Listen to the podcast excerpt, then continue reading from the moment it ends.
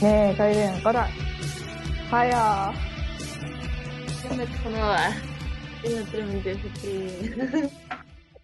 За ингээд аа бид хоёр яг дараагийнхаа дугаарыг бичгээд сууж байна. Маш онцгой зэвстэй байгаа. Дугаар дээр ярьсанчлан ирээдүйн тэгээд чухал одоо шийдвэрүүдийн нэг болох их сургуулийн талаар болцсон мэт хоёр ярих болно. Тэгээд ялангуяа ингээд 12 дугаар ингээд байгаа болохоор яг энэ завшаанаа ашиглаад цуглуулсан мэдээллүүд тэгээд яг өөрсдийнхөө бодит тарчлаган дээрээ толгуурлаад ярих болно. Тэгэхээр бит хоёрын нөгөө нэг одоо яг жинхэнэ яг их сургуулийн тим одоо юм асуудал дээр явагдаж байгаа шүү дээ. Тэнгүүтээ бит хоёр яг энэ асуудлыг өөрсдөө арай давж туулаагүй байгаа болохоор бас зарим зүйл дээр буруу муруу байж магадгүй Ивч гэсэн бит хоёрын одоогийн байдлаар туршлагаа дээрээ болон нэмэлт судалгаан дээрээ ярих болно. За битэр төрүүлээд Америкаас эхлүүлээд хятад хүртэл ерөнхийдөө айгүй түгээмэл хүүхдүүдийн ингээд очиж суралцахыг эрмэлздэг газруудыг сонгосон байгаа. Тэгээ одоо шууд ямар ямар материал бүрдүүлэх хэрэгтэй байдаг вэ? А явах юм нь юу юу анхаарах хэрэгтэй байдаг вэ? За бүр анханаас нь яг а юун дээр хамгийн түрүүнд анхаарал зүгээр байдаг вэ гэдгээсээ эхлэе. Тэгэхээр их сургууль ер нь бол энэ их сургууль гэдэг темыг болохоор хэдүүлээ болохоор яг 11-ээс за бараг нэрээ 10-аасаа барыг ингээд за чухал шүү гэдгийг ингээд баг багаар мэдчихсэн шүү дээ. Сургуулиасаа багш нараасаа. Тэнгэтээ ингээ өөртөө ингээд за чухал юм байна. За ийм ийм юм хийхгүй болол орой тэтгийм байх шүү гэд ингээд бүр ингээд багш нар амар хэлсэн штэ хэдүүлээд нь тий амралтаараа ингээд тэдрийга хий гэд. Тэгтээ хийгээгүй. Тэгсээр хагаад одоо ингээ 12 дугаар анги болоо яг цаг нь тулцсан. Одоо ингээд эхнээсээ хамаг юмнууд нь дуусаад эхэлж байгаа. Тэгээ одоо бол дүү ор даай дээрээ л. Харин тий. Тэгэхээр ер нь бол багш нарын хэлдэг бол амар өнөө. Их эрт эхлэх хэрэгтэй. Одоо багш нар бол хэдүүлэг нь эхлээд за юуцсыг эхлээ мэрэгчлээ сонгочих те өөрсдөө таньчихаа. Дараа нь одоо дараагийн улс мулсаа сонгоод СМС-ийнхаа санааг ингээ олоод яваарай гэдэг чинь тэ яг тэрийгэл хэвлээ ер нь бол яг хүмүүсийн хэлж байгаагаар л ахлах ангиасаа л ер нь хийгээд яв гэдэг чинь шүү дээ. Нөгөө нэг битээрээс тэтгэлж байхдаа ингээд тэтгэлгүүдийн тэгээд ерөнхийдөө улс улсын тодорхой онцлогуд байгаа штэ хэд хэдэн сард аппликейшн процессаа ингээд сурагчдад нээлттэй болгодог гэх тэр дедлайнуудыг бас бичээд авсан байгаа. Тийм болохоор бас аа ингээд одоо ингээд судлаад яг ингээд бусад улсуудыг судлаад үзэнгүүт ингээд айл дээр ингээд эхлээд дууссан. Эсвэл айл жилийн өмнө ингээд өдөх хэвээр байсан юмнууд байгаа хгүй. Тийм болохоор энэ мэдээлэл үнцэнтэй болно. Бүгдүүлэх хэвээр материалуудаа ингээд цуглуулад энэ дундаас яг хамгийн хэцүү нь юу байсан бэ? Мм ер нь бүрдүүлэх хэвээр материал дээр яг миний хувьд ер нь бол амар олон хүмүүсийг сонсоод тахад эсээ одоо нөгөө нэг захианууд айгу нөгөө цаг амар удаан авч ирсэн их авч ирсэн. Тэмүүтээ миний нэг алдсан юм байгаа хгүй юу?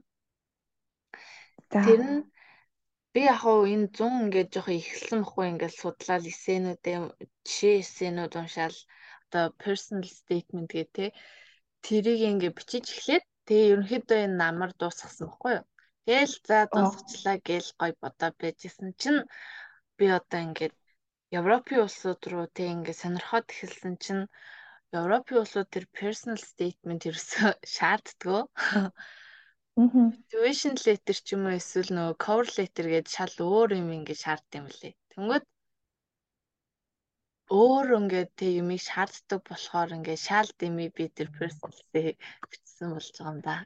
Тэгэхээр энэ гурван юмын ялгааг амар сайн ойлгох хэрэгтэй юм лээ. Тэгэхээр энийг бас тэг дараа нь одоо нөгөө нэг улс улсуудын хоёлаа ярихтаа ингээд аль алийн шаарддаг энэ яг ямар хөө юм бэ гэдэг ингээд тэрийг гоё яриад явна. Ярина.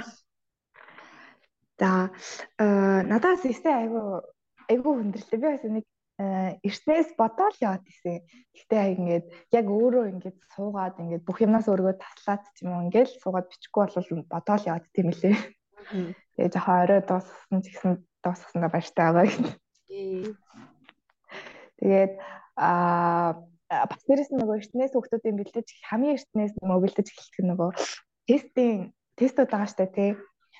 Аа IELTS сат гэдэг. Тий. Тий, ерөнхийдөө бол хамгийн түрүүл тэрнээсээ эхэлдэг. Тэгээд аа өөр эртнээс бэлтчмээр юмнууд маань одоо яг өөрөө яг хаашаа чиглэж байгаа аа тэрийг яг ингээд сайн олоод тэгээд яг тэр дор нь яг дедлайнууд нь хугацаануудаа шалгахгүй болвол ингээд бодоол бодоол ингээд за тэр хатаа нэг сар ч юм уу те 12 сар ингээд болтондоо гэж бодоод хамаалал болтгүй юм байлээ.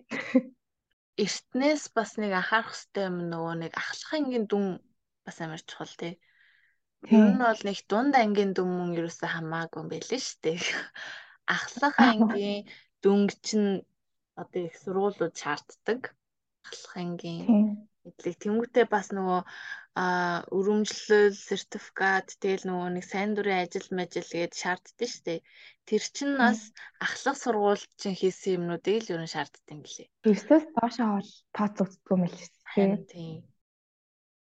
Одоо нөгөө нэг аппликейшнда одоо бүрдүүлэх хэвээр нэг юм ихэнх одоо улс ихэнх сургуулиудын шаарддаг тийм юмнууд байгаа. Тэгээд энэ дээр болохоор За нэгдүгээр тул түрүүн хэлсэн шиг эсээ байгаа энэ нь болохоор бас өөр өөр гурав одоо түрүүний хэлсэнчлэн өөр өөр ялгаатай байдаг. Тэгээ хоёрт гэвэл нэг чухал юм нь ихэнх улсууд гэхдээ ялангуяа одоо Америк, Канада гэх мэтчлэн улсууд бол багшийн тодорхойлолт гэж авдаг. Энэ нь болохоор а одоо чи нэг багшийг сонгоод тэгээ багшаасаа намайг ингээд тодорхойлж өгөөч гэдэг тэнгүүд багш чинь ингээд за энэ сурагч болохоор би тэдэн жил ингээд зааж байна. Энэ хугацаанд би ийм ийм зан чанаруудыг мэдсэн, ийм ийм чадвартай хөвгтэй гэд тийм тодорхойлсон юм захиа одоо бичээд явуулдаг. Тэгээ энэ нь болохоор ерөнхийдөө хөвчлэн хоёр багш шаардлагатай. Тэгээд мэдээж нөгөө илүү их таньдаг, илүү олон хугацаанд багшлсан байвал сайн. Эсвэл одоо чиний ирээдүйн мэрэгжил ч юм уу явах байгаа одоо тэр хичээлээр хичээлийн багш чинь байвал бас илүү бас давуу тал. За тэгэл нөгөө нэг шалгалтуудын оноонууд хэрэгтэй.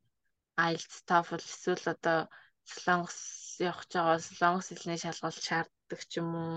Хичээлээс гадуур хууль ажиллагааны сертификат адвокат, өргөмжлүүд гэх мэтчлийн иймэрхүү зүйлүүдийг бол ер нь ихэнх улсын сургуулиудад шаарддаг аа. Аа тийм тэрэн дээр ингээд нэмээд бас нөгөө санхүүгийн аа юу мэдээлэл явуулах хэрэгтэй. Одоо яг татвар төлдөг үү? Одоо аав ээж чинь ажилтг газараас хэрэг хэмжээний тайл аваад хэдэн хувийн татварт явдаг вэ гэж тийм тамга бичигтэйгээ тийм тодорхойлт бас шаарддаг юм лээ. Яг ингээд Канада руу шаардчихсан. Тэгээд бас дээрэс нь ямар нэгэн байдлаар ингээд санхүүгийн тусалтай хэдүүлэн хэрэгтэй байгаа шүү дээ. Тиймэрхүү хүсэл дэлгэхдээ энэ айгүй хэрэг бол ตก. Тэгээд чамд ямар нэгэн бас хадгаламж гэр бүлцэн тийм хөрөнгө үл хөдлөх хөрөнгө байгаа бол тэрний гэрчлэгээ баталгаагаа бас ингээд орчуулуулаад натур баталгаажуулах хувилбар нь хэрэг болдог. Зарим улс нь ялангуяа ингээ Европын улсуудыг хараад тахад ингээд за чи одоо манай улсад ирээд өөрөө ингээд амьдрах өөрийгөө ингээд тэг зардлаа нөхөд явах тийм чадвартай юм уу гэдгийг батлахын тулд одоо данс нэгээд тэр дансандаа тодорхой хэмжээний мөнгө мөнгөтэй байх хэрэгтэй байд юм л. За одоо яг тэгвэл шууд Америкаас эхлэх үү. За. За. За нөгөө Америк Америк руу сургуульд ямар нэгэн байдлаар хандах байгаа бол Common App гэдэг тийм тусгай портал байдаг. Аа тэр систем рүүгээ ингээд өөрийнхөө сурагч өөрийнхөө одоо саяны хэлсэн бүх нөгөө нэг материалуудаа тэгээд өөрийнхөө талаар тэр гаргаж ирсэн амжилтууд бас дээрэс нь эстэгээ оруулаад сургуулиуд руугаа ингээд нэг дороос шууд явуулчих боломжтой. Яг тус тусад нь ингээд сургуулиудын сайт руу ороод юм ингээд дахин дахин бөглөөд авах айгүй хэцүү шттэ. Тэгээд яг ингээд хөвчлэн хүмүүс явуулдаг юм элэ. Тэгээд энэ болохоор бас төлбөртэй. тухайн сургууль одоо нэг аппликейшн явуулахад 60 доллар байлаа гэж бодоход энэ common app-аар явуулж байгаа бол дор хаяж ингээд ер нь максимум 20 сургууль руу хэрвээ коллеж консультраасаа ингээд хүсэлт явуулчих юм бол шууд үнэгүй явуулчих болдог. Даваа талтай. Тийм тэгээд а яг Америк дээр ярих юм бол ингээд цаг хугацааны хувьд ингээд сургуулиуд өргөдлөө хүлээж авдаг тийм гурван төрөл байдаг. Хамгийн ихнийх нь болохоор early decision буюу а 11 сарын 1-ээс 11 сарын 5-ны хооронд бүх бэлэн болсон юмнуудаа явуулж амжхан болол тухайн сургууль чинь чиний материал юу н айгүй эрт үзээд ингээд орох магадлал ч мөр хамаагүй сайн байдаг гэж байгаа юм. Тэгээд early decision 2 гэж байдаг. Тэрэн дээр нь болохоор хэрвээ нэг дээр нь явуулж амжааг бол ягаад явуулж амжаагүй амжаагүй шалтгаанаа бичээд ч юм уу те early decision хоёрлуугаа ингээд орчиж болдог. Тэнгуутл нь ямар ч байсан ингээд бас арай эртхэн бас документуудаа ингээд шалгуулж боломжтой. Үр дүнгээ бас арай эртхэн авах боломжтой болцдог. А дараагийн болохоор яг нөгөө ихэнх хүүхдүүдийн явуулдаг regular decision буюу нэг сарын 1-ээс 1 сарын 15-ны хооронд ингээд хаагддаг байгаа. Яг сүүлийн хугацаа шүү дээ тий. Тэгээд яг яг тухайн хугацаанаас өмнө л явуулж амжих юм бол таатагддаг. Тэрнээс хойш явуулах юм бол зарим сургуулиудад ингээд бүр бүх ингээд аппликейшн авах юм хаацд юм байлээ. А зарим нь болохоор нөгөө нэг rolling admission гэдэг юм байдаг. Тэр нь болохоор ингээд ямар нэгэн байдлаар цаг хугацаа ингээд баригдсан юм байхгүй а ингээд онооц нь сар өдөр байх болохоор ингээд за 7 сарын 28 хүртэл ч юм уу те зүгээр ингээд явуулж иж болт юм байлээ. Зарим коллежуудад. Тийм. Тэгээ тэгэхээр ер нь бол яалтчгүй ингээд үнэхээр л Америк явах хөстэй байгаа бол 1 сарын 15-наас өмнө ингээд ядаж багтаад бүх юмаа дуусгаад явуулсан л ах хэвээр мэлээ яг ингээд юмнуудаа явуулсан гот ингээд мэйлээр ингээд сургууль болгоноос чи ингээд чамд ингээд сайт руу нарах тийм зөвшөөрөл бүхий мэйл ирдэг. Тэгээд тухайн сургуулиас ирсэн тийм мэйл дээр нь линкээр нь дарж ороод өөрийнхөө ингээд юу юуг нь чеклэх хэвээр тий ямар ямар материал хийж явуулах хэвээр ингээд шалгаад тэгээд бас зарим сургуулийн тэр 1 сарын 15-наас өмнө бас бүгдийг дуусгах хэрэгтэй гэсэн байдаг болохоор яалтчгүй эртнээс тий бараг жил гарахаас өмнө жил гараад бол бараг амар яарах хэрэгтэй байд юм билээ. Тэгэхгүй бол бас хамаг юм нь хаагдана. Тэгээд сургууль болгоно болгоно болгоныхаа сайт руу орж байгаа дээ. Тэр аюу хэцүү. Ингээд толгой иргэн тэгээд миний туршлагаас салхах дээр ингээд Word дээр хүснэгт гаргаад сургуулиудынхаа нэрийг бичээд дедлайныг бичээд ямар ямар документ явуулах ёстойгоо бичээд тэгээд тавьчих хэрэгтэй. Аа тэгээд сургуулиудын нэг шаарддаг нь болохоор ингээд IELTS оноо байгаа штэ. Тэгсэн чинь IELTS оноо 12-ын дүн мөн тэдрийг ингээд надаас ингээд авдаггүй. Заавал ингээд коллеж консуларт нь дамжуулуулж official маягаар авнаа гэж тэгж хамардаад идэм байлээ. Тэгээд тийм тэр аяг хүндрэлтэй байсан бас бас нэг өөр хүн рүү ингээл юм бичээл баян мэйл рүү юм юм явуулна шүү гэл. Гэтэ яг аль болох эртнээс яхан бол тухайн үндэ ч гэсэн бас дарамт болохгүй. Тэгэхээр дахиад эртнээс. За тэгээ дараагийн нь болохоор ингээд документуудаа бүрдүүлээд дуусчлаа штэ. Тэнгуут нь ингээд санхүүгийн тусалцаа авах хэрэгтэй байгаа штэ. Амар олон сургуулиуд байгаа. Бизнес ер нь ихэнх нь ингээд бидний ингээд төлж чадах төлбөр төлбөрөөс ингээд бүр хэд дахин тавцсан өндөр төлбөртэй. Тийм болохоор ингээд санхүүгийн тусалцаа хүсэх маягаар CS profile гэдэг CSS profile гэдэг юм дахиж бүлнэ. За CSS profile нь болохоор а Comnet Comnet-а явуулсан сургуулиуд нь за CSS profile гэдэг юм ахаал бүглэн гэсэн үг ерөнхийдөө. Гэхдээ тэрэн дээр хөвчлээ одоо санхүүгийн байдлаа бүгэлт юм байлээ одоо манай гэр бүлийн орлого нь ийм аа тэгээд ерөнхийдөө жилдээ яг иймэрхүү хэмжээний татвар төлдөг. Яг нөгөө нэг төрөний яриадсан тий хөнгөтэй бол ийм ийм хөнгөтэй а тэгээд бус бас нөгөө нэг залгын хүртэл асуудаг жилдээ одоо тогондоо хэдэн төгрөг өгдөг байх юм уу тий тийм юм айгуу детальч асуудаг. Тэр болгонд ингээ хариулаад CS профайл профайлаараа сургуулиуд руу ингээд санхүүгийн тусламж хүсэж байгаа маягаар дахиж юм явуулна. Яг нөгөө яг нөгөө дараалалаараа тэгээд тэрэн дээр ахаад нэг асуудал гарсан над дээр аа ахаал мөнгө шаарддаг юм байлээ. Тэр нь алхах дээрээ common app-аар хичнээн ингээд өнгөө болгоод явуулчлаа гэсэн тухайн сургууль нь ингээд financial төвлөлтөө авахыг хүсэж байгаа бол дахиад CSS профайлаар 25 доллар төлөөр 16 доллар төлөөрэй гэж байдаг. Тэгэхгүй бол явуулах боломжгүй болчих штеп. Тэгэхээр хамгийн түрүүлээд юу их ястай вэ гэхээр нэг сарын 15-наас өмнө тухайн сургууль руугаа ингээд мэйл бичнэ. Яг ингээд сонгогдсон байгаа документуудаа бүрдүүлээд Comnapper-аа явуулсан сургууль руу гэсэн үстэй тий. Тэрнлүүгээ ингээд за би ингээд CSS профайлаа бүглэхийн тулд надад ийм тусгай код хэрэгтэй байна. Тэгвэл би өөрөө ингээд манай гэр гэр бүлийнхаа ингэ нөхцөл байдлыг бичээд тиймэрхүү кодын хүсэлт илгээд юм байгаа. Тэгээд нөгөө сургууль маань 2-3 оны дотор ч юм уу 4-5 оны дотор хүчин зарим нь бүр өгөхгүй. Тэгээ яг үүндээ бол 50% нь код өгөхгүй яах вэ байв. Мөнгөө төлөх хэрэгтэй л болчихно гэсэн үг. Тэгээ код өгсөн бол за бурхан мэд гээл нөгөө кодо бичээл явуулчих болно. Аа тэгээд хамгийн түрүүнд CSS профайл руугаа би ингээд нэг коллеж оруулсан байхгүй юу. Тэгсэн чинь тэр коллеж нь ингээд код өгдгөө болж таарсан. Аа. Тэгэхээр техник коллежийн төлбөрийг төлчих дараа дараах руу орд юм билээ. Тийм болохоор хамгийн түрүүнд оруулж байгаа коллеж нь ингээд код авч CSS профайл руу хамгийн юм хийж байгаарэ. Тэгээд бас яг өөр боломжууд байгаа л та заавал CSS профайл шаарддаггүй сургуулиуд байдаг. Тухайн одоо сургуулийн сайтаар нь ороод өөр юм бөглөөд, давхар юм бөглөөд а явуулж болдог тийм бас боломжууд байгаа юм байлээ. За тэгээд ээжтэл нь сургуулиуд руу явуулчаад за нэг 3-аас 4 сарын хооронд ерөөдөө бүх хариунууд нь авсан аваагүй мэдээллүүд нь одоо яг энгийн нөө regular decision-ээр явуулсан хүүхдүүдэд бол ирдэг. Бусад хүүхдүүд одоо early decision-ээр явуулсан бол нэг 2 сар март ирчтэй юм шиг байлээ.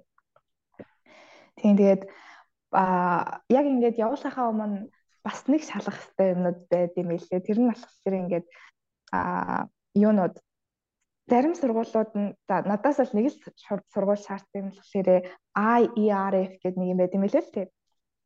Тэр нь болохоор ингээд дүнгээ авсан байгаа шүү дээ тэр дүнгийн заавал ингээд мөнгө төлж ийж ингээд official болгодог арга гэх юм уу. Тийм байсан. Тэр нь бас хөрхөн нэг 150 доллар байсан баг. Тэгээ ер нь хөрхөнтэй. Тэгээд үнэхээр тийм юм шаарддаг сургууль тэгээд байвал ингээд бас хэцүү болчихж байгаа байхгүй юу. Тэгээд а бас сургуулиасаа өөрийн шалгах хэрэгтэй юм болохоор love family income contribution гэдэг юм байгаа. Тэр нь болохоор а яг түрүүн бензигийн хилээд байсан шиг санхүүгийн баталгаа гэдэг штеп. Нэг сургуулиар зүгээр надаас 36 мянган доллар төлж чадах хэсэг баталгаагаа гаргаад явуул гэсэн байсан. Хэрэг тийм юм төлж одоо тийм баталгаа гаргаж чадахгүй бол анханасаа нөгөө нэг сайт сургуулийн сайтаас харах хэрэгтэй анхнаасаа одоо сургуулиас судлахдаа надаас яг IELTS ямар шаардж байна, TOEFL ямар шаардж байна уу? Сертификат өгөхтэй үгүй юу? Аа над одоо ийм гэр бүлийн орлогын тийм их хэмжээний мөнгөн баталгаа ингээд шаарддаг юм уу мүү? Assist is profiling код өгдөг бол нэг сарын 15-наас өмнө би код авсан байх ёстой үгүй юу ч юм уу те амар олон юм шалгаж зээд явуулахгүй болол ингээд боломжоо алдаалах юм билээ. Тэр сургуулийн хотлоо олоод байна. Аа. Тийм аюултай байсан. Тэгээд сайтууд зөвлөх юм бол манай сургуулиас танаас нэг bridge юу гэдэг нэг сайт байдаг. Тэрнгээр өөрөөсөө хайгаад сургуулаа хайгаад явуулж болно. Бас дээрэс нь нөгөө world ranking-ийн нөгөө нэг QS world ranking гэдэг сайтаас гарчдаг. Тэгээд YM grad гэдэг тэр бол би YouTube-ээс алсан. Энэ дээр болохоор бас бүр ингээд өөрийнхөө мэдээллийг оруулаад хэр их энэ сургууль чам тохиромжтой байна үгүй байна гэдгийг хуваар нь гаргаад өгд юм байлээ. Тэгээд өмнө жил ийм хичнээн хүмүүсийг ингэж тэтгэлэг өгсөн эсвэл өгөөгүй ч юм уу те. Тийм мэдээллүүд тэтгэлтэй гараад ирдэг юм байлээ. А тийм бас тэр нөгөө нэг CSS бишээ коллеж бордоос өөрөөс нь бас сургуулийн мэдээллийг хайж болт юм лээ.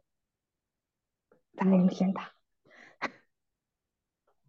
Ер нь Америк руу л ингээд амар олон хүмүүс явах хүсдэг шүү дээ. Хамгийн одоо алдартай суралцах одоо юм. Тийм. Тийм. Юм дээр тийм. Одоо тэтгэлэг айгүй хүүхдүүд ингээд хүүхдүүд хэрэгтэй байгаа шүү дээ. Тэгин гоц ингээд ямар ч байсан тэтгэлийн зөндөө олон тийм сувгууд бол байгаа бах. Тэгээд хэрвээ ингээд зүгээр санхүүгийн тусламж одоо need based merit based гэдээ байт юм лээ. Need based буюу ингээд өөрийнхөө ингээд гэр бүлийн орлого жоох муу байгаа тийм батлсан юм аяуулах юм бол арай их мөнгөнд тусалцах боломжтой байдаг. Тэгэхээр аль болох тийм сургуугаар нь хүүхдүүд ингээд тэр сургууль байдгүйгүй юу, need based financial aid өгдгөө үгүй юу гэдгийг харчих юм бол илүү амар тийм сургуулиуд руу ер нь явуулахыг зөвлөдөг нэлээ. Merit based нь болохоор нөгөө нэг одоо academic чадвар чинь тэг хэр өндөр байгаагаас нь шалтгаалаад өгдөн шүү дээ. Тийм. За. Түнүүтээ би одоо англи бол За энэ нь болохоор нөгөө нэг а юугаараа судалгаагаар болохоор яг олон улсын хүүхдүүдийн одоо очиж суралцахыг хүсдэг, суралцдаг хоёрт нь орд юм лээ. Нэгт нь Америк ордог. Тийм. Тэгэхээр энд нь болохоор нөгөө Европын улс шүү дээ, тийм. За тэгээд а Европын улсуудад одоо ер нь нийт ингээд тэг ингээд ажиллагдсан зүйл нь гэвэл бол Америк, Канада гэх мэтчлэн улсуудыг бодвол арай бага тэтгэлэг өгдөг. Ялангуяа бакалавр дээр бол нэлээд бага байдаг. Аа харин магистр, доктор руугаа ороод ирэхээр юу тэтгэлгүүд байд юм лээ. За тэгээд аа энэ нь болохоор за яг юм тэтгэлгийн мэдээллүүдийг бол яг сайн авч чадаагүй хоор байсан. За тэгээд аа нөгөө нэг дедлайнууд нь болохоор яг одоо нөгөө Оксфорд тэг Кембриж гэдэг одоо алтартай сургуулиуд байгаа шүү дээ Английн. Энэ сургуулиудынх бол их хвчлэн за 10 сарын 15 он гэхэд бол эхлээд дуусчдаг юм байна. Амар эрт. За тэгээд ерөнхий ихэнх сургууль нь бол мэдээж түрүүний хэлсэн шиг 1 сарын 15 гэхэд бол дуусчдаг ч гэсэн а 6 сарын 30 хүртэл бол ер нь аппликейшн авдаг олон улсын хүмүүс бол боломжтой гэм билээ. За тэмүүтээ а мэдээж яг шаарддаг зүйлүүд нь гэвэл одоо дүнгийн хавтгай ахлах сургуулийн тэгээд а CV шаарддаг. Европын улсууд ер нь хэвсэн CV шаарддаг юм лээ. Тэгээд яг хөө зарим улсууд нь болохоор одоо түрүүний хэлсэн шиг а personal гэдэг тэрийг шаарддаг бол зарим нь болохоор нөгөө motivation letter-ыг бас шаарддаг. Энэ одоо нөгөө тухайн сургуулиасаа бас шалтгаалаад өөр. Тэнгүүтээ за тийм тэгээ багшийн тодорхойлол тэгээ бас а одоо нөгөө нэг хэрвээ энэ сургуульд ч юм уу те ингээд суралцахад чиний боловсролын одоо энэ мэдлэг чинь ингээ хөрөлцөхгүй байна гэж бас үздэг юм лээ. Одоо жишээ нь манай Монгол улсын боловсролын систем зарим улсын одоо сургуульд шаардлага хангахуйц биш гэх юм уу? Одоо чи 12 жил сурсан. Гэтэ чи 13 жил сурах хэвээр тэгжээ чи манай сургуульд орно гэдэг байд юм лээ. Тэгээд чи орч чадахгүй болцохоор чинь foundation year гэдэг одоо суур одоо их сургуульд орохоос чинь өмнө нэг жил ингээд чамайг бэлтгэдэг те нэмэлт ингээд хичээл ордог тийм бас байдаг. Ялангуяа Европт бол энэ байдаг. Яг тэгвэл Европ ч нөгөө нэг бас нэг шаарддаг юм нь бол бараг Европын ихэнх улсууд 18 нас хүрсэн байх хэрэгтэй гэж харддаг. Энэ нь бүр яг нөгөө нэг 9 сараас өмнө 18 нас хүрсэн байх хэрэгтэй гэд. Одоо чи 9 сарын 12-нд 18 хүрэхээсэн бол орохгүй гэдэг ч юм уу те амар хатуу байдаг. Яа эсвэл энэ бол нэрээ амар асуудал. Тэр энийгаа сайн байх хэрэгтэй. Тийм тэнгуүтээ а одоо нөгөө нэг төлбөр мөлбөр гих асуудал нь болохоор нөгөө нэг давуу тал нь гэвэл Америк те тийм улсуудаас арай бага төлбөр төлдөг. А гэтээ тэрнийхээ хажуугаар сэтгэлэг нь арай бага байдаг. Тийм. Тэгэл ер нь бол нөгөө англи хэллийн одоо аль бие усны хэлтэй болохоор IELTS, TOEFL-ийн оноо шаардна. Тэгээд бас SAT гэдэг үг нь за тэгээд IELTS-ийн оноо бол ер нь их хвчлэн за ялангуяа нөгөө англи хэллээр ярьдаг тийм аль бие усны хэлтэй улсууд бол ер нь бол 6.5 хамгийн багтаа байдаг тий 6.5-аас дээш. Ер нь их хвчлэн баг одоо ялангуяа Англи, тэ Америкт бол 7 болоо оноотой ижиж сайн байдаг. За тэгээд 6 мургаа тэрнээс доош байх юм бол ер нь асуудал. За яг зарим сургуулиуд бол авт юм билээ. Зарим сургуулиуд авахгүй харин нөгөө Европын юм уу эсвэл нөгөө англи хэлээр ярьдаггүй улсуудад бол ер нь бол 5 юм уу 5.5-аас дээш бас байж болдог IELTS яана. Тэгээ Европч нь бас нөгөө нэг ингэдэм билээ одоо оюутны ажиллах цагийг бас ингээ заагаад өгсөн цагийн ажлыг аа за тэгээ бүр 7 хоног чи тэзэн цаг ажиллах хэрэгтэй гэдэг. Тэмүүтээ англид болохоор чи оюутнууд 7 хоногт 20 цаг ажиллах хэрэгтэй гэдэм лээ. За тэгтээ яг нэг одоо амралтууд байгаа шүү дээ. Ингээд хичээлгүй үедээ бол харин одоо нөгөө 100% ингээд ажиллах боломжтой байдаг. Тийм тэгээд бас энэ а сургуулиуд руу хэрэг одоо өргөдөл мөргөдөл аппликейшн явуулах байгаа бол яг тус тусд нь сургуулиуд руу явуулдаг. Одоо түрүүний хэлсэн common app шигтэй ингээд юм ганцхан бөглөл олон сургуулиуд руу явуулдаг тийм юм бол сайт бол байдаг юм билээ. Тэгэхээр яг тус тусд нь л явуулна гэсэн. Энэ нас цаг өрнө нэлээд л цаг өрнө. Нөгөө нэг юун дээр Америк дээр бас Square гэдэг тийм common app-тэй адилхан юм байсан. Тэгээд тэрнгээр явуулах юм бол нөгөө түрүүн максимум 20 гэсэн дээ. Тэрнээсээ ч илүү коллежууд руу явуулах боломжтой байдаг. Тэгээд тэрийг бас эртнээс common app-тайгаа бөглөөд явбал зүгээр юм лээ.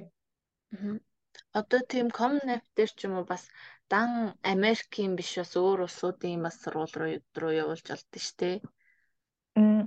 Тийм, тэрийг бас судлаад үзэх хэрэгтэй.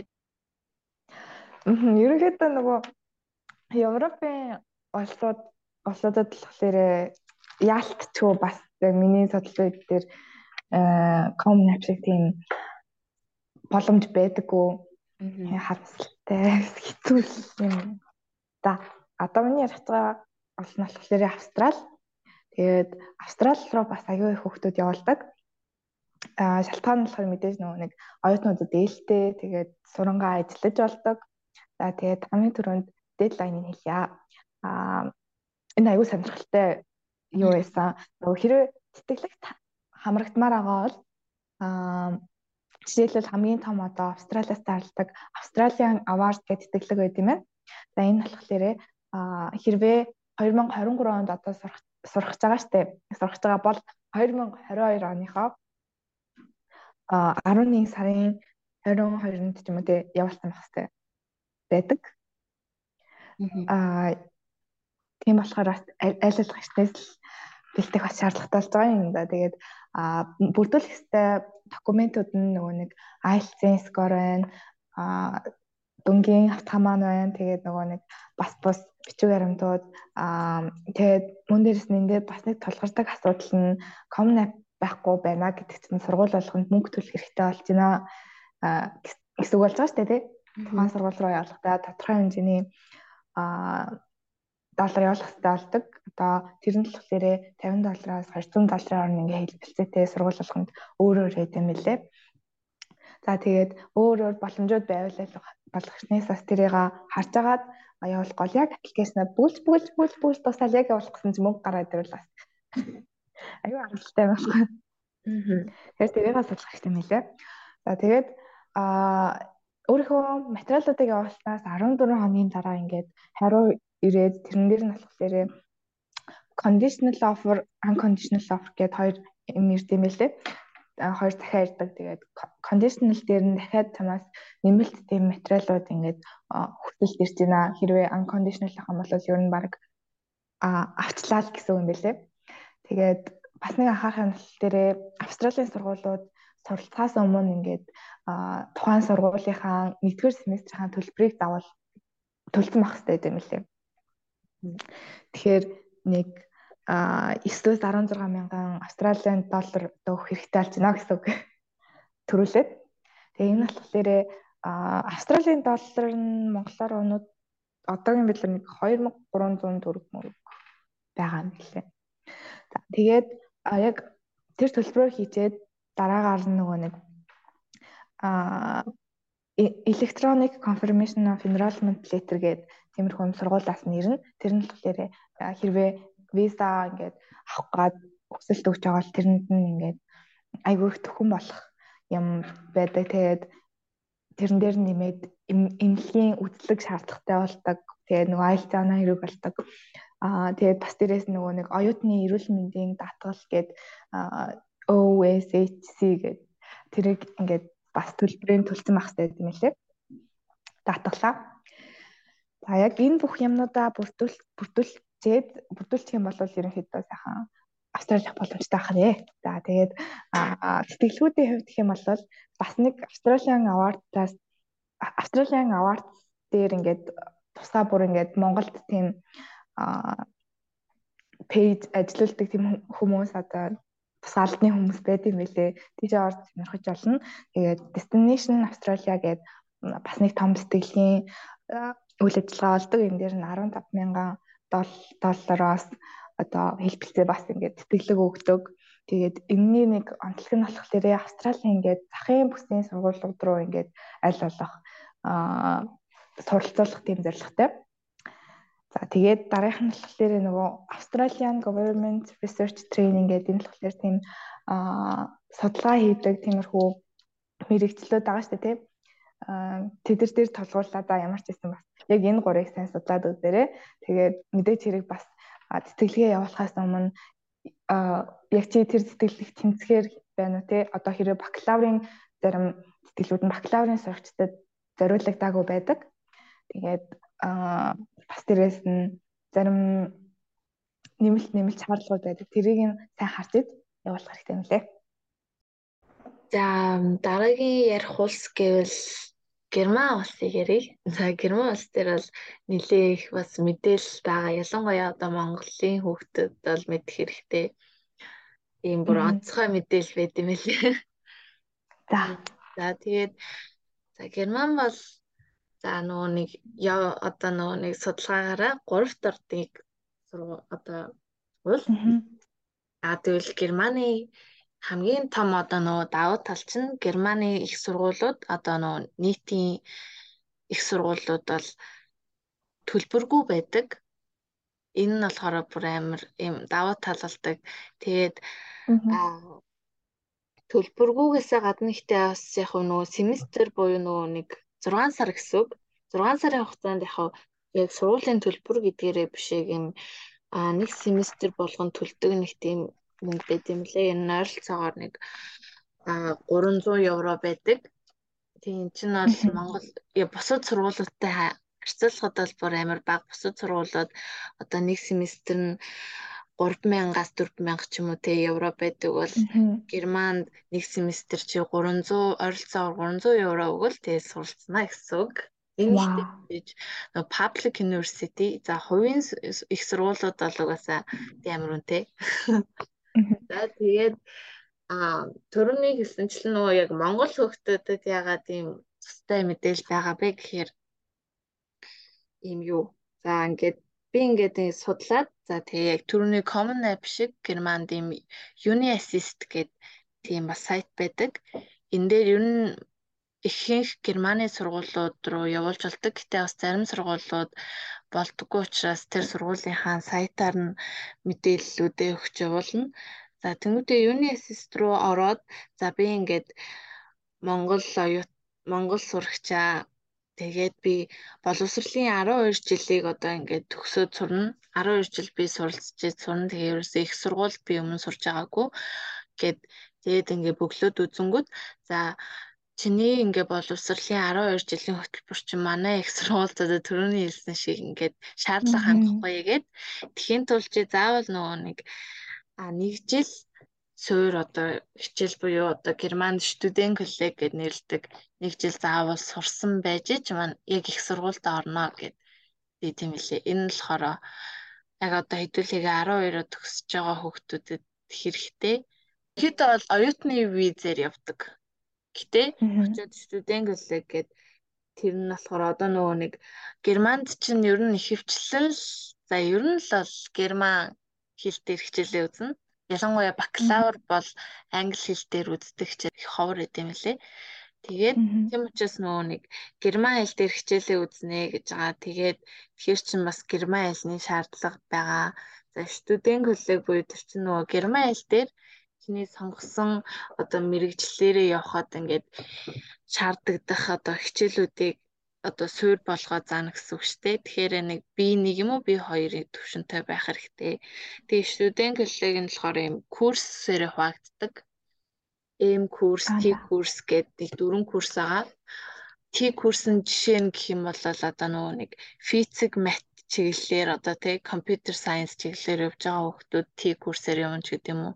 За эсвэл шинжлэх ухаан тий биологи химээр явж байгаа болвол гээд өөр эсвэл нийгэм түүхээр явж байгаа бол өөр гэдэг юм дөрвөн курс байдаг. Тэгээд одоо тэрнээс шалтгаалаад T курс сонгол чи хичээл дээрээ герман хэл дээр мат, физик тий тийм IT чиглэлийн юмнууд сурдаг ч гэдэг юм уу. Тийм өөрөөр байдаг. Гэтэ герман хэл дээр За хэрвээ одоо нөгөө студент коллект би сурмааргүй байна гэв Тэ яа гэвэл бас нөгөө студент коллект чинь бас нэг юм гэвэл студент коллект сурж байгаа хоорондоо чи ажиллах боломжгүй байдаг. Тэгэхээр нөгөө нэг одоо урсгал зардал гээл тэ дотуур байр ч юм уу байр тиймэрхүү юмнуудаа одоо ажил хийж ижил хэдүүлээ одоо ингээд мөнгө олно шүү дээ. Тэгэхээр боломжгүй гэд хэрэг үнэхээр Аа боломжгүй байвал аа Монгол оюутнууд Монголдо за дор хаяж 2 семестр гэхээр 1 жил гэсэн үг шүү дээ. Дор хаяж 2 семестр амжилттай суралцж Германд шууд студент коллект сурахгүйгээр шууд Германы их сургуульд орох боломжтой байдаг. Одоо нөгөө нэг суралцсан кредит оноонуудаа ингээд нөгөө дүүцүүлээд Германы ихтэй дүүцүүлж байгаа. Тэгээд суралцах боломжтой эсвэл бас шууд магистраасаа ч сурах боломжтой. Ер нь бол эхний 2 семестр амжилттай төгссөн түүнээс дэш байх юм бол шууд Германы их сургуульд орох боломжтой юм лээ. Вау. Тий, тэгэл Германд чинь а бас төрөний хэлсэн шиг нөгөө нэг цаг заагаад өгсөн оюутан яг төрнийхтэй адилхан 7 хоногт 20 цаг ажиллах хэвээр. За тэгээд нэг Европуудаас нэг арай өөр юм гэвэл Германы нэг нэмэгдэл юм нь а хэрвээ ингээд бүтэн өдөр ажиллавал 120 өдөр хагас өдөр ажиллах юм бол 240 өдөр гээд жилд. Вау. Тий.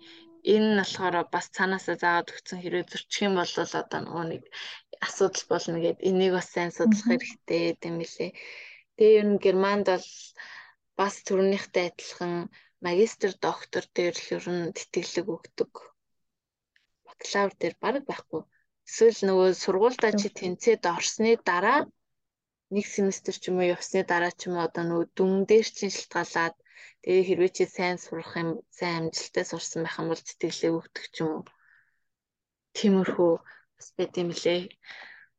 Тийм тэгэл ер нь нөгөө шаардлагадаг юм гэх юм бол ам motivation letter шаарддаг гермасд.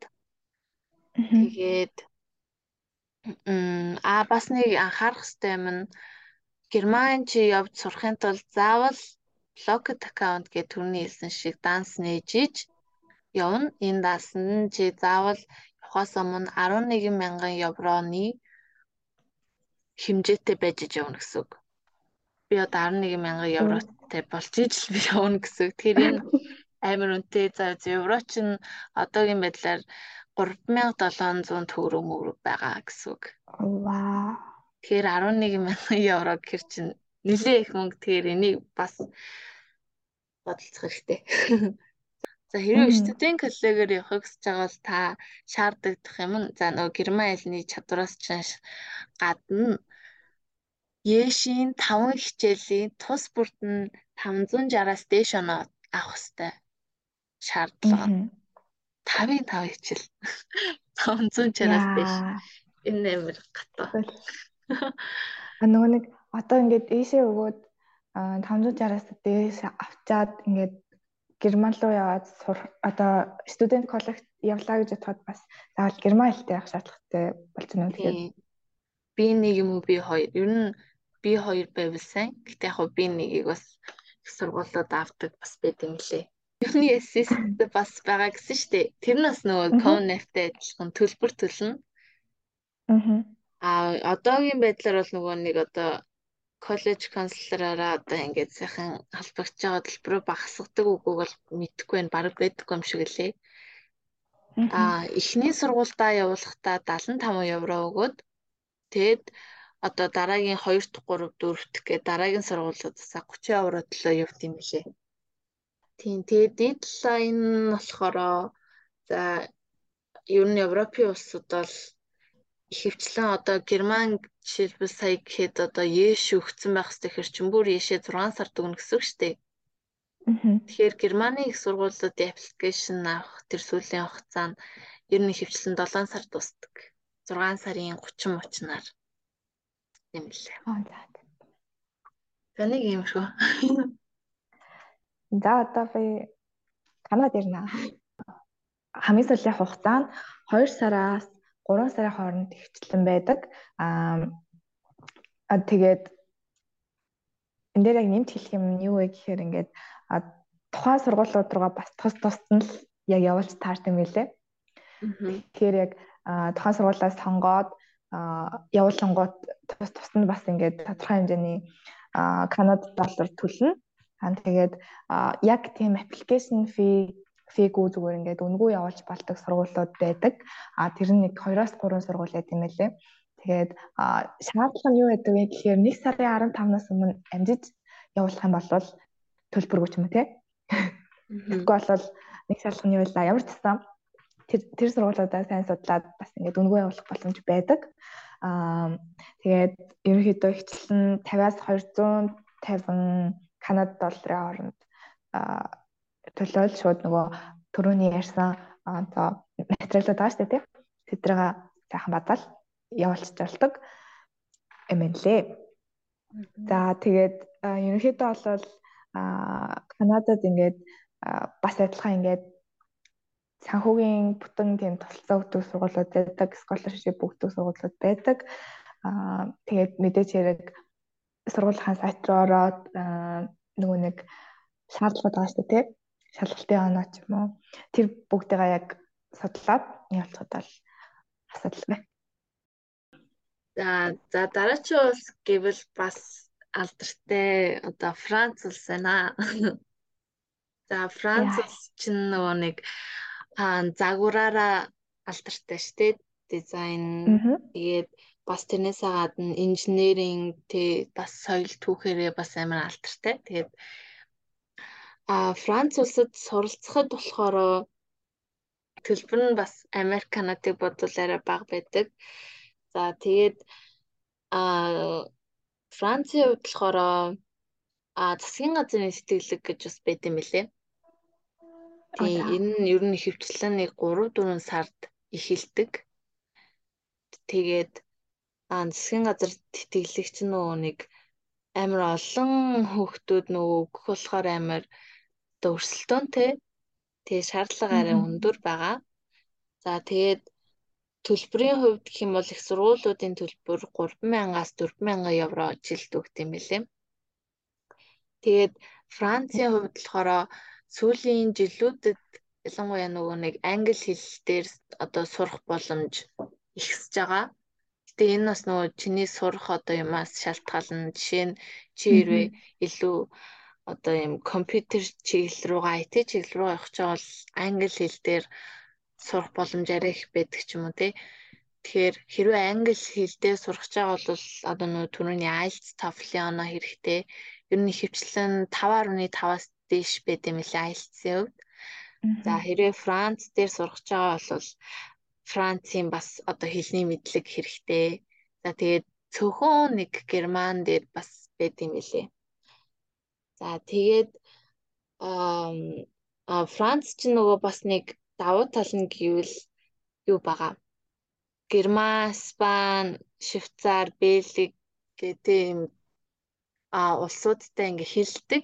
Тэнгүүтээ хэрвээ Европ чи ингээ очичих юм бол одоо Европын шингээний орнуудад одоо нөгөө нэг метрогоор ч юм уу тий шууд ингээд зорчоод явах боломжтой. Чи Франц руу очих юм бол амар амархан хэдхэн цагийн дотор гэл Герман руу ч очих тий эсвэл Испани руу ингээд очих. Энэ бол бас нөгөө Европ сурах нэг том даваа талын нэг тэгэхээр амар гоё айлч болно гэсэн үг.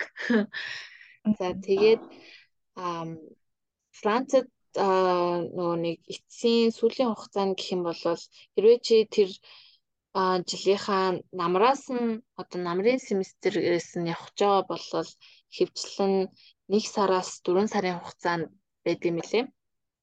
А хэрвээ чи хавраас сурах жагаа болвол а 9 сараас ер нь их а нэгтэд явдаг. Тэгэхээр а 2 семестртэй байдаг Европ улсууд тэгээд өөрсдөө бас сонгоод хэрвээ намар болохгүй бол бас хавар явуулж болно. А гэтээ энэ бас а зарим сургуульд бол хаврын семестрээс нь явж болдог.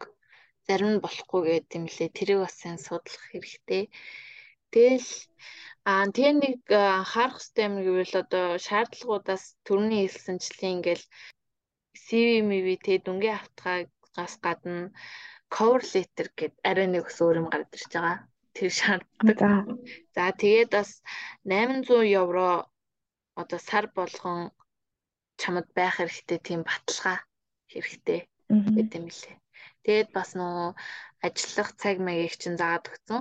Тэгээ хэрвээ одоо нөгөө нэг чи Францад сурахыг хүсэж байх юм бол Монгол Campus France гэдэг юм манай Монголд тийм аль бие усны тийм Францын мэдээлэл өгдөг газар байт юм лээ. Тэнчэнэс ч одоо а цахимаар ч юм уу эсвэл дугаарлан залгаад тэгээд миний сонссноор бол үн төлбөргүй Францад сурах мурах ажиллах талаар хаарт ингээ мэдээлэл өгдөг. А хэрвээ очиж уулзах боломжгүй байвал шууд ингээд тий уцаар ч юм уу ярьж байгаа цаг авч байгаа. Тэгээ шууд уцаараа ярьчих боломжтой юм лээ. Энийг бас сонирхорой. За болсон. За.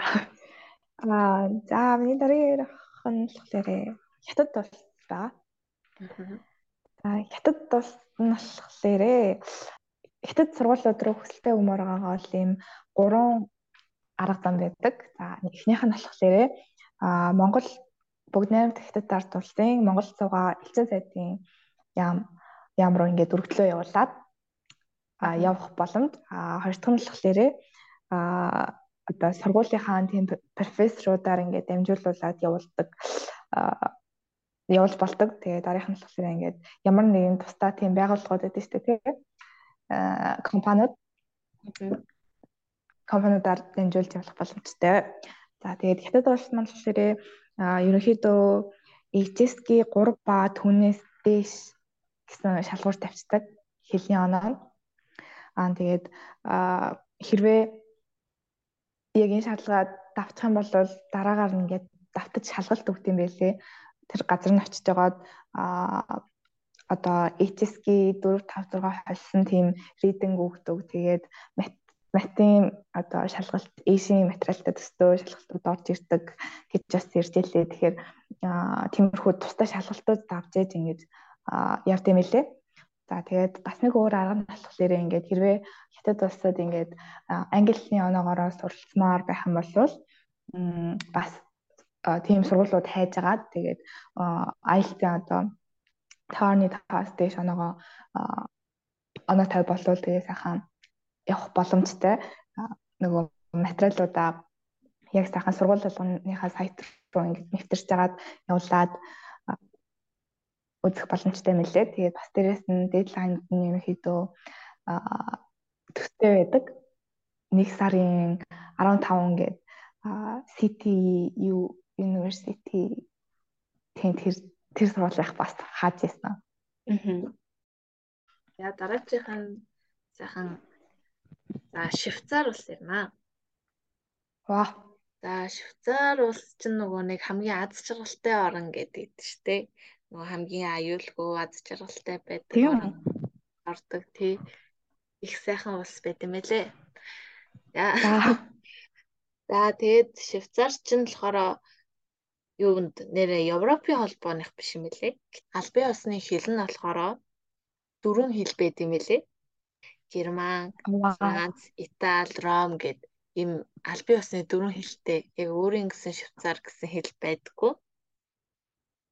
Тэгэхээр нөгөө нэг одоо хаана сурж байгаа ямар сургууль сурж байгаас шалтгаалаад нөгөө нэг а аль хэл дээр сурах уу те герман хэл дээр сурах юм уу франц хэл дээр сурах юм уу гэдгээс өөр өөр гэсэн дөрвөн хэллэлээр суралцах боломжтой гэдэг юм байна.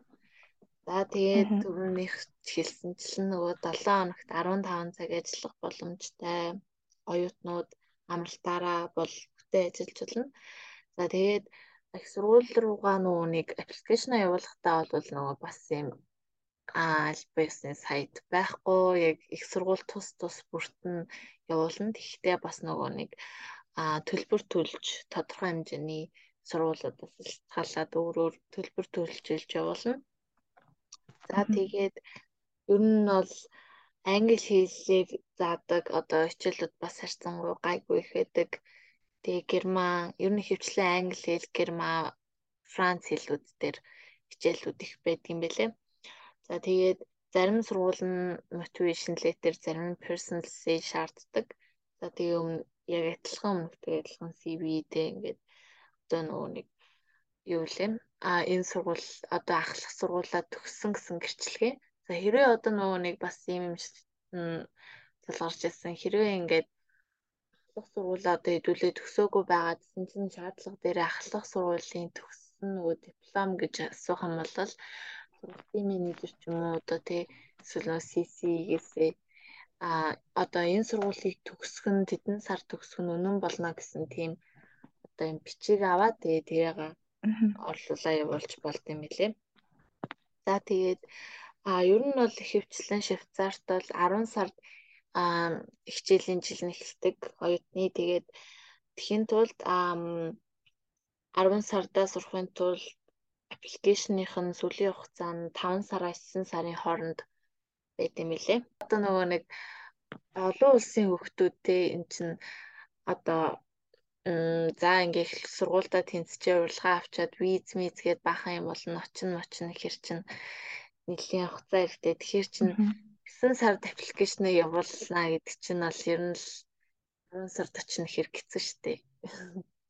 Эртхэн л нь явуулж исэн дээр 5 6 сартаа. За нэг иймэрхүү байна да.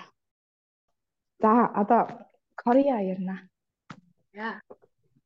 За ам Солонгос руу ингээд явхаар байгаа хүмүүс болохоор ингээд Солонгосын засгийн газрын тэтгэлгийг нь бол санал болгох юм лээ. Тэгээд энэ энд одоо хамрагдахын тулд хамгийн түрүүнд ингээд а Монгол дахь тийм салбар руу одоо ингээд хүсэлт явуулна. Тэгээд а Монголоос ингээд шалгарч гарч ирээд дараа нь ингээд Солонгос руу одоо тухайн сургууль, сонгосон сургууль руу а гурван сургууль сонгож олдог гэсэн. Тэгээд тэр тэтгэлгээр нь а тэгээд сонгосон сургууль нь ингээд бас авах хэрэгтэй. Тэгээд тэр сургууль нь алаасаа сонгогдоод тэгээд ерөөхдөө нэг хоёр сурагч бол орд юм байлээ энэ тэтгэлэгт авт юм байлээ. Тэгээд а бас өөр нэг арга замлалтээр шууд тухайн сургууль руугаа сургууль руугаа ингээд хандаж засгийн газрын тэтгэлгийн хүрээнд ингээд хандаж болдог. Гэтэ тэр нь болохоор гурван сургууль биш нэг л сургууль байт юм лээ. Тэгээд яг а яг тодорхой мэдээлэл нь болохоор overseas MOFA, TICGO, TICKR гэх сайт дээр байсан. Тэгээд ерөнхийдөө бол 10 сарын 5 гэхэд бол бэлгийн материалаа бүрдүүлсэн байх хэрэгтэй. За тэгээд Солонгос хэрвээ английн оноороо суралцъя гэж бодож ивэл а бас боломжтой. Яг нөгөө нэг засгийн газрын нөгөө нэг тэтгэлийн сайтаар нь шууд ороод одоо өөрийнхөө эсээг бас дээрэс нь бас бас мэдээллүүдээ оруулаад тэгээ явуулчих болт юм билээ. Тэгээд хэрвээ солонгос хэлээрээ солонгос хэлээр сурах байгаа бол топкийн топ болон түнээс дээш төвшин шаарддаг. За тэгээд яг тухайн сургуулиуд руугаа явуулахад ихчлэн 70-аас 100 мянган вон байдаг. Нэг вон нь монголоор 2.8 төгрөг. Тэгэхээр ерөнхийдөө 280 мянгаас дээшээ ингээд төлбөрөө төлөөд тухайн сургууль руугаа явуулах боломжтой.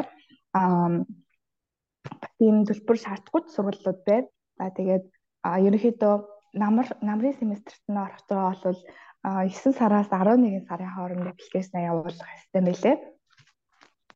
За харин а хаврынхт нь семестрт сумаар бол 5 сараас 6 сар сарын хооронд явуулах боломжтой. За юм лээ даа. За. За дараачих нь болохоор Нидерланд энэ талааныг тавьж ярина. За Нидерланд ч нь болохоор ингээд зарим хүмүүс болохоор нөгөө Голланд гэж яриад байдаг шүү дээ. Энэ болохоор аа Нидерланд гэдэг юм яг тэр улсаа хэлдэг. Аа тэр Голланд гэд байгаа нь болохоор яг нэг одоо аймаг гэх юм уу? Нэг томоохон нэг тийм монголоор бол нэг аймаг л гэсэн утгатай юм байд юм лээ. Гэтэ ер нь Голландын тэтгэлэг мэтгэлэг Голландд суралцах гэдэг тиймэрхүү бас амар их байд юм лээ. За тэгээд Нидерландын аль биесны хэлэнд дууч гэд хэл байдаг аа. За тэгээд ам Герман бэлэгтэй хэлдэг.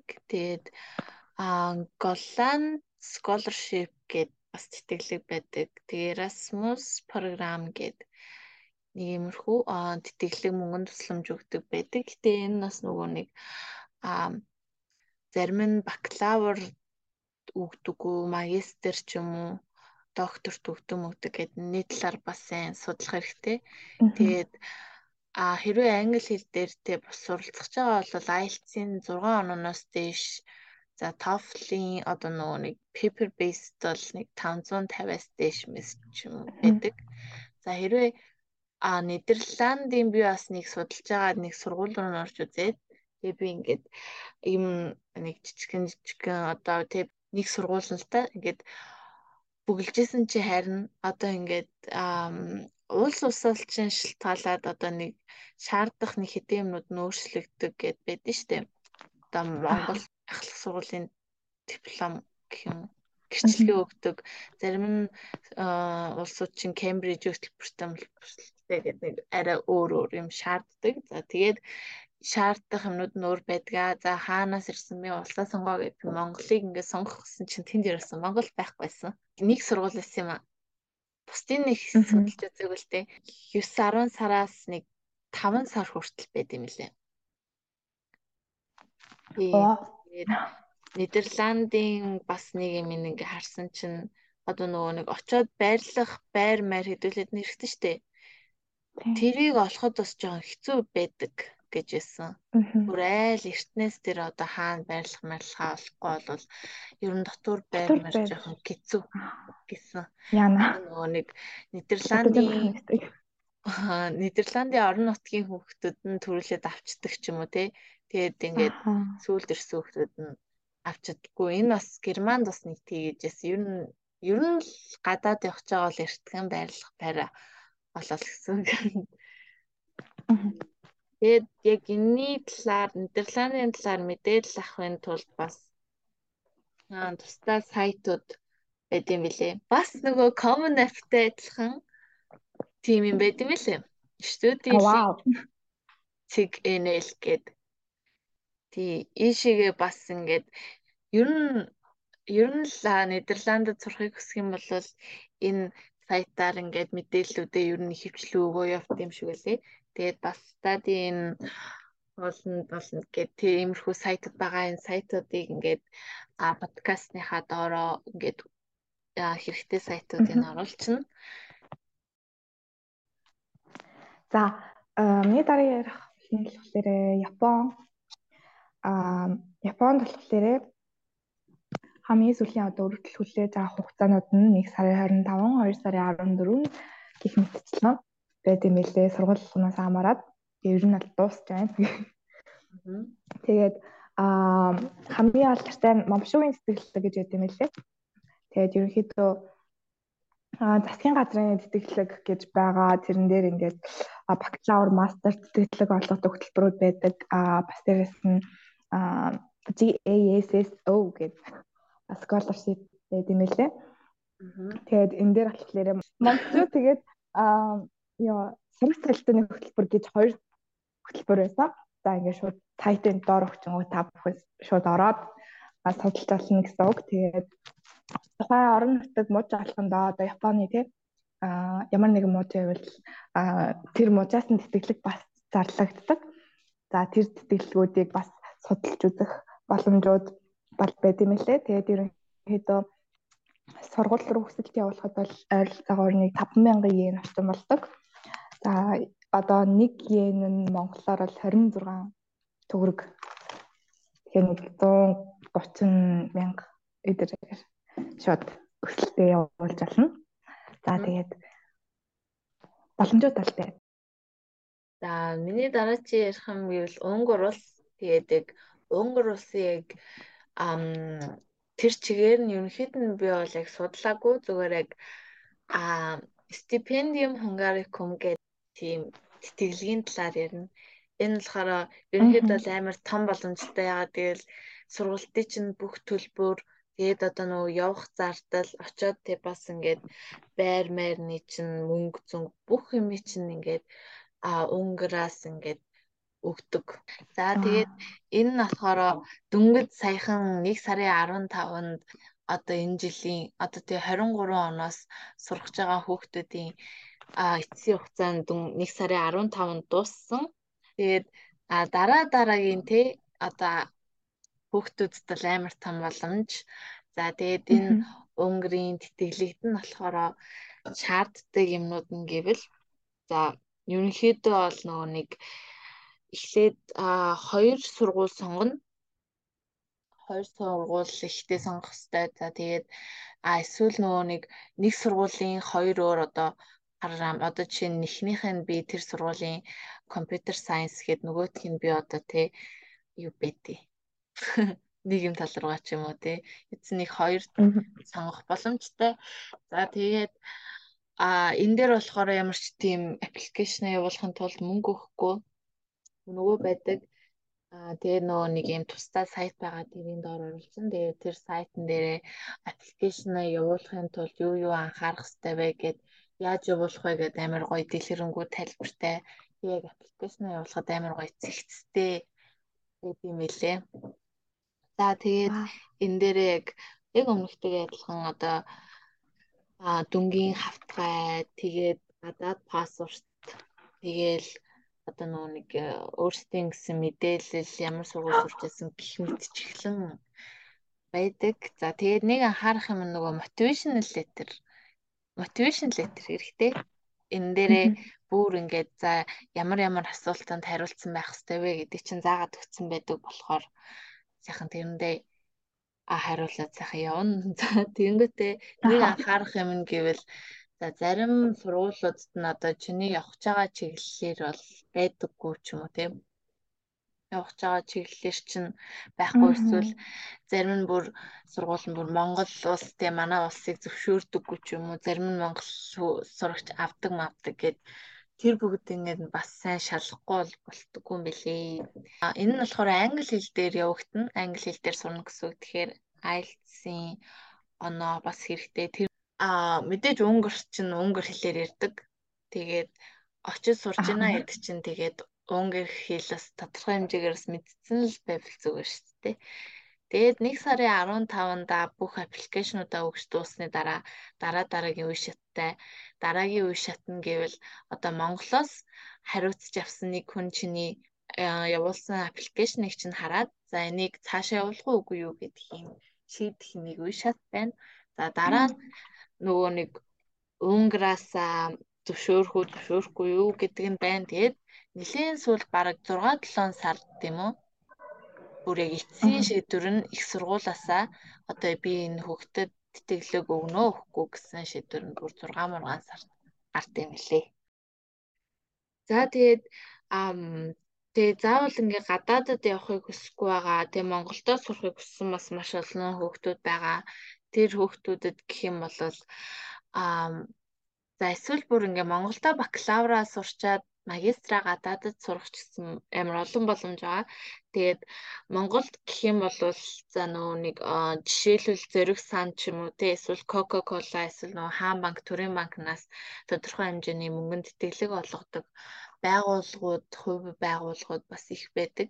Тэрэн рүү бас тэ бүгд нөрөө сайхан явуулах хэрэгтэй. Тэнчэнээс шаардах юмнууд гэж бас байгаа. СМС тэ шаардлагатай. За тэгээд нөгөө алдартай одоо сургуулиуд байгаа. Муйс, Шүтис, за тэгээд ангаах, мангаах хүмүүс гэл тэ. Тэр бүгдийн а тодорхой хэмжээний тэтгэлгүүд олгох юм билээ. Жишээ нь одоо бид хэд ингээд 12-оос 12-ороо муйс ингээд орсон шүү дээ. Гэсэн чинь ингээд хэрвээ IELTS-ийн оноотой байх юм бол IELTS-ийн дэдэс дэш оноотой байх юм бол тэдүү төлбөрөөс нь хөнгөлнө. Эсвэл Яшийн 800 оноотой байх юм бол 700-аас дээш хэдий хичээл байх юм бол одоо хөнгөлнө гэд ийм залтуудаар ингээ сайхан төлбөрөөс хөнгөлөд явдсан юм байна лээ. Тэгээд одоо нөгөө нэг а явж байгаа чиглэлээс шалтгаалаад Яшийн хичээл өгсөн байх хэвээр. Ер нь бол Яш бол нэг хоёр хичээл нь нэг гол Яшийн нэг хичээл байгаа. Тэгээд туслах хичээл гээд байгаа. Тэгээд Яши ер нь 2 3 хичээл өгцөн байхад бол зүгээр за 3 мөрөө өгцөн байвал тэг ингээд нөгөө хөрөх боломжтой. За хэрвээ нэг анги нь дүүрсэн байх юм бол нөгөө ангид нь ингээд орох ч юм уу. Тийм боломжтой байдаг. Тэгэхээр энэ мэрэгчлээ шалтгаалал Яшээ сайхан бэлдээд явах хэрэгтэй. Тэгээд бас Монголын нэг юм Монголын боловсролын яамнаас хэрвээ дэлхийн нөгөө 100 багтдаг сургууль те шилдэг сургууль 50-аас дээш хувийн тэтгэлэг авс 50-аас дээш хувийн тэтгэлэг авсан байх юм бол үлдсэн одоо сургуулийн төлбөрийг Монголоос зааж өгдөг тийм бас юм боломж байгаа билэ. Тэгэхээр яг ихний 100-д ингээ явуулаад 100% тэтгэлэг авч чадахгүй маа гэх тий 50 60-ыг авчих юм л бодох хэрэгтэй байх нэ. Аа ингээд ерөөдөө бид хоёр ойролцоогоор 10 10-аас дээш баг улсуудын тодорхой хөрхөн цэцгэн цэцгэн мэдээллүүдийг тоглоулаад өглөө. Тэгээд одоо яг уул талхан дээр нь ингээд ялгаатай талуудыг базаж хэлж байна. За. За. Аа хамгийн түрүү нөгөө Америк ярьсан шүү дээ. Тэгээд Америк дээр яг ялгаатай юм гэх юм бол юу а тодорхой нэг систем бүхлүүд тэгээд тэр системээр явуулчихдаг гэсэн шүү дээ. Тэгээд ерөнхийдөө яг ялгарах юм гэх юм бол бас хамгийн нөгөө нэг техникний дедлайн дуустдаг хандлагатай газар. Тийм болохоор оноос өмнө ер нь материалуудаа дуусгаад явуулаарай гэж хэлье. За Ер нь миний ярьсан улсууд ер нь Европын улсууд байсан. Тэгээ Европод бол нэг гол анхаарах юм нь бол нөгөө 18 нас хүрсэн байх хэрэгтэй гэдэг тийм шаардлагатай байдаг. Тэгэхээр тэрийг бас мэдэх хэрэгтэй. Тэгээд ер нь бол нөгөө нэг аа дедлайнууд нь бол харьцан уйгаагүй бүр 5 6 сард ер нь хөвчлэн дуустдаг. Тийм. Миний сонгосон улсууд дээр болохоор а намайг ингээд амар гахшуулсан юмнууд тэтгэлгүүд нь аль хэдийн зарлагдаад дууссан байсан.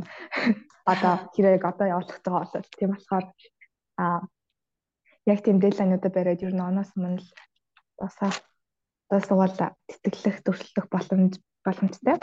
Дэлхийсээ тэгшигтэд гарч ирэх боломж улам өндөр болно. Тэгээ зөндөө олон боломжууд байгаа гэдгийг бол ерөнхийдөө энэ судалгаа хийж байгаа. Тэгсэн битээр ойлголоо сонсож байгаа ч та тэгсэн та нар ойлгосон байх.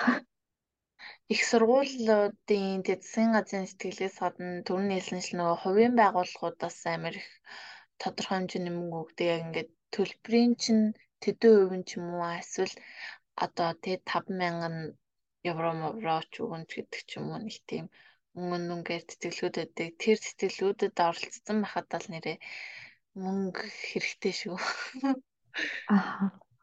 Тий, тэгээд нөө бас ярина гэсэн нөө motivation letter, personal essay тэгээд нөө core letter-ийн ялгааг бас яриа тий. За. Аа personal essay-ний хувьд болохоор ерөнхийдөө зарим улсууд personal statement чаарддаг гэдэг энэ л болохоор нөө бид яриад эсэ байгаа. Тэгээд эсэн дээр харах юмнууд аа өөрийнхөө бас бичдэг хавтаа толгосон асуудлууд ерхэн даван тулсан гэдэг батгааря. За. Тэгэхээр яг эсэн дээр хамгийн чухал нэг бодох юм нь болохоор 650 үгэн дотор ингээд хэрхэн өөрийгөө ингээд бүрэн дүрэн илэрхийлээд өөрийнхөө хүсэл эрмэлзлийг ингээд бүрэн дүрэн багтааж ингээх вэ гэж байгаа. Тэгээд энэ нь болохоор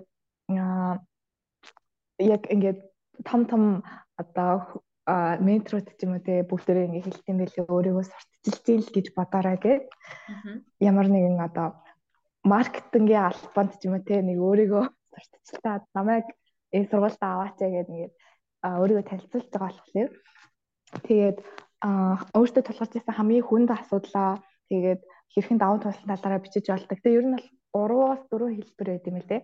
Тэгээд асуудлаа бичээд хэрхэн даван туулсан. Альсгүй бол а ёо асуудал тулгараагүй гэтээ ингээд багасаа бодож авсан юм даа гэд ерөөд ингээд хуваацсан тэгээд аюух номнууд байдаг. Тийм тэгээд ерөнхийдөө эртнээс бичиж эхлэе гэдэг чинь тэгээд тэр нь яг юу гэсэн үг вэ гэхээр зихнээсээ бичнэ л гэсэн. Одоо Word гаргаж байгаа ч юм уу цаасан дээр эртнээс бүр яг зинхнээсээ бичиж эхлэх хэрэгтэй. Бодод байвал үнэхээр бодоод л байна. Тэгээд маш олон удаа засвар орж ид тайсаа гардаг гэж ярьдаг. Аа энэ бол алтан дүрм юм байлээ. Тэгэхээр эртнээс бичээд засуулаад тэгээд гол нь нэг санаагаа барьж байгаа. тэрийг маш сайн тайлбарлаж олон олон хүнсгийг яг өөрийгөө танилцуулж байгаа болохоор тэг яг би юм гэгээлэг хүн эсвэл би им им ингэж даван цуулах потенциалтай хүн гэдгээ айгуу сайн ойлгол тийм стратегиэр зүгээр юм билэ. Тэгээ би өөрөө бичиж байхдаа болохоор хит хитэн санаанууд аюух гарч ирээд алийг сонгох вэ гэж толгой эргээдсэн. Гэтэ яг гитсэн бодгоос миний мэрэгчлээ, миний хүсэл эрмэлзэлтэй хамгийн ойр байгаа хэсэгтэй барьж байгаа л тэгээд бичиж дуусгасан. Personal statement-ийн тий а номнууд амар хамаагүй ихэд юм лээ. Одоо чинь би болохоор Томуужингийн номыг бол ялцчгүй уншсан. Тэгээ тэр бол амар олон юм мэдэж авсан. Тэгээ нөгөө нэг жишээ эсэнүүд аа уншаад байх тусам нөгөө нэг ингээд амар гоё оо ийм бас бичлэх юм байна тий энэчнээс ийм санаа ойлгожлох юм байна тэгээд нөгөө нэг аа энэ дээр чинь нөгөө одоо би амар чад би одоо амар цаг барьдаг гэд бичхийн оронд хөлбөр үйл явдлаар ингэж баталж харуулна. Амар ягаад чадаагүй амар удаа гэдгээ бодсон байхгүй юу? Тэгсэн чинь шалтгаан нь ерөөсөө би нэг амар том хөлөгээд авсан Тэгэхэд амар том болохоор ингээд нэг юм хөршгөө гүцшгөө даалгавар мэт талгандаас олгосон байсан. Тэгээд хэрвээ ингээд магадгүй монгол хэл дээр за ингээд эсэ бичээрэй 650 хүнтэй а дараагийн шалгана гэх юм бол барыг ингээд тий цаг хугацаанд ч юм уу тий э шууд дуусгах байсан. Тэгэхээр өөртөө нэг амар хэцүү юм гэж битээ анхнаасаа бодорой л гэж хэлээ да. SNS нэрэ гаднаас Америкийн ялангуяа сургуулиуд ч нөө нэмэлтсээ бас шаарддаг юм л шүү дээ. Тий, Яа, өөрөөр тусдаа асуултууд шаардаад тий тэрийн тэдэс тэдүүгийн хооронд тэгээд ерөөхдөө нэг зарим сургуулинд за 250 300 гэж хөрх явж исэн зарим л болохоор ингээд давхар ингээд аппликейшн явуулахад scholarship давхар ингээд хүлээгээд авчдаг. Тэр офисийнх нь давхар чинь материалыг үзээд тэгээд одоо scholarship дөрвөлтүүлэх хэсгээ бас үлээж авах боломжтой байдаг. Тийм болохоор 500 500 хүүхдээ эсэг бол нэгээс хоёр а сэдвэр шаарддаг. Тэгээд цаг хугацаанд тулсан үед бол айгүй хүндрэлтэй. Тэгээд зарим сургуулиуд бүр чамаас интервью буюу зүүмээр ярилцлага авах хүртэл санал тавина. Санал тавихгүй бүр шаардна. Тэгээд одоо тэгээд орноо л гэсэн үг. Тэгэхээр янз янзын ингээд сэдвүүдэд тохирсон жижигэн жижигэн эсэнүүдтэй тэгээ санаа ноттой эртнээс байвал айгүй боломжтой санагцсан. Бүх ингээ эсэнүүдээ нөгөө нэг хооронд нь бас ингээ уялдаа холбоотой.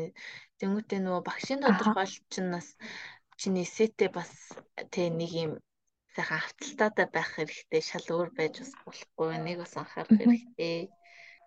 Тий тэгээд энэ ч нөгөө нэг эсээгээ бичихин тулд энэ өөрийгөө төрүүлээ таньж мэдэх хэрэгтэй байна гэдгийг ингээд бодож байгаа хгүй. Тэнгүүтээ аа эсээгээ бичихтэй бол би одоо нөгөө нэг хүүхдүүдээс за миний давуу тал юу юм, миний сул тал юу ингээд амар асуусан, ярилцсан. Тэгжиж ингээд амар их санаа олсон. Тэгэхээр энэ нас аргыг бас тушаад үзэх хэрэгтэй. Өөрөөсөө бас суух хэрэгтэй. Тэгжиж л ер нь яг бичсэн дээ. Би бол эхлээд тий эхлээд би зан чанаруудаа бичиж агаад дараа нь миний энэ зан чанарыг ямар үйл явдал ямар миний туршлага илэрхийлж болох уу гэд тэр зан чанаруудаасаа эхлээ сэдвээ олсон. Тэгжиж битсэн юм. Миний арга барил тиймэрхүү. Одоо би яг энэ хэсэг бичих талмаараа бас амар өөрийгөө ойлгодог гэд ярьжсэн тий. Гингуут ингээд а миний хийжсэн оролцсон юмнууд хамгийн том томууд ингээд харж байгаа байхгүй юу. Гингуут шууд шууд л ингээд ороод ирсэн. Би яг нэг 10 дугаар ангид 9 дугаар ангид ингээд захиа бичилжсэн баггүй юу? Багш нар баг нэг багшлаа. Одоо нэг жилийн дараа өөртөө захиалчихэрээгээд тэг тэрэн дээр ингээд биччихсэн юмнуудаа бодоод тэгээд дахин өөрийгөө эргэд санаад ерөнхийдөө харилцажсэн юмнуудаа хараад тэгэл ахиж өөрийгөө санаж байгаа. Тийм процесс ер нь баг болсон. За motivational letter нь болохоор арай өөр би ингээд төрүүлсэн дээ ингээд person statement-ээ бичсэн байсан чинь үгүй шаардлага хэрэггүй байсан гэдэг. За motivational letter нь болохоор захиа байгаа шүү дээ. Одоо нэг өгч байгаа өргөдөл явуулах байгаа тэр сургуультай хандаж захиа бичин. Тэгэхээр нөгөө албан ёсны байх хэрэгтэй. Одоо нөгөө нэг одоо захиан дээр чинь ихлээл хаашаа явуулах уу хаяг маягийн бичээл төгсгөлт нь одоо ингээл те хүндэтгсэн тэрмэргээ гарын хэсэгтэй байдаг штэ яг тэр шиг байна захиал гэсэн үг тэгээ энэ нь болохоор тус тус сургуулиас шалтгаалаад а асуух асуултууд байгаа. Тэр асуултууд нь бүгдээр хариулсан байх хэвээр тэгээ яг ерөнхий яг юугаараа ялгарх вэ гэсэн чинь ер нь мотивашн летер нь болохоор чиний ирээдүйд яг юу хийх юм? Чиний чадвар чинь тий одоо чиний чадвар чинь юу юм? Ам чиний ирээдүйн зорилго чинь юу юм? Ерөнхийдөө бол зорилго чадвар дээрээ илүү суурьсан энэ сургууль ягаад энэ одоо улсад суралцмаар байгаа ягаад энэ тэтгэлгийг авмаар байгаа гэдэг яг бүр юм шууд тодорхой тодорхой гэх юм уу илүү тодорхой албан ёсны тийм захиа бичдэг. Тэгэхээр personal statement-ээс юм нэлээ өөр. Тэгээ юу н анхаарах юм гэвэл нөгөө тухайн тэр сургууль тэтгэлгээс чинь шаардсан одоо асуултуудаа сайхан өөрөө хариулаад тэрийг одоо захиа шиг ингээ аль биесны гоор тэгээд нөгөө фонтны үсэгний хэлбэр мэлбэр тэг ингээд а юунод хэмжээ мэмжээ бас альбан ёсны байх хэрэгтэй. Тэгэхээр юмруу. Ха олон мэдээллүүдийг батж ярьлаа. Тэгээ энийг аль болох хятад сонсвол амар хэрэгтэй санагдлаа. Иймэрхүү контент ингээд яг 11 тэрэгдээ би сонссон бол үнэтэй гэж бас бодогдсон л авт юм. Аа. За за явж тисэн сайхан ярилцлаа. Тийм тэгээд хэрэг болох одоо тэтгэлгүүдийн мэдээлэл авах тэр нөгөө нэг аппликейшн линкүүдийг бүгднийг сайхан оруулчихна. Тэгэхээр тийшээ бүгдээрээ ороо сайн судалгаагаа хийгээрэй. Тэгээ бас нэг а карьер сонголтын мэрэгжил сонголтын бас нэг тийм тест өнгөө тест бас оруулчих тий. Интернет дээр давагддаг. Тий. Тэгээд бас нэмэлт асуух юм байвал тий. Бит хоёр ярьлаа. Тэгээд а юу итгэвтэй гэдэг өөрөө ингээд өөрийгөө шахаж сурд юм байна гэж бодсон. Аа.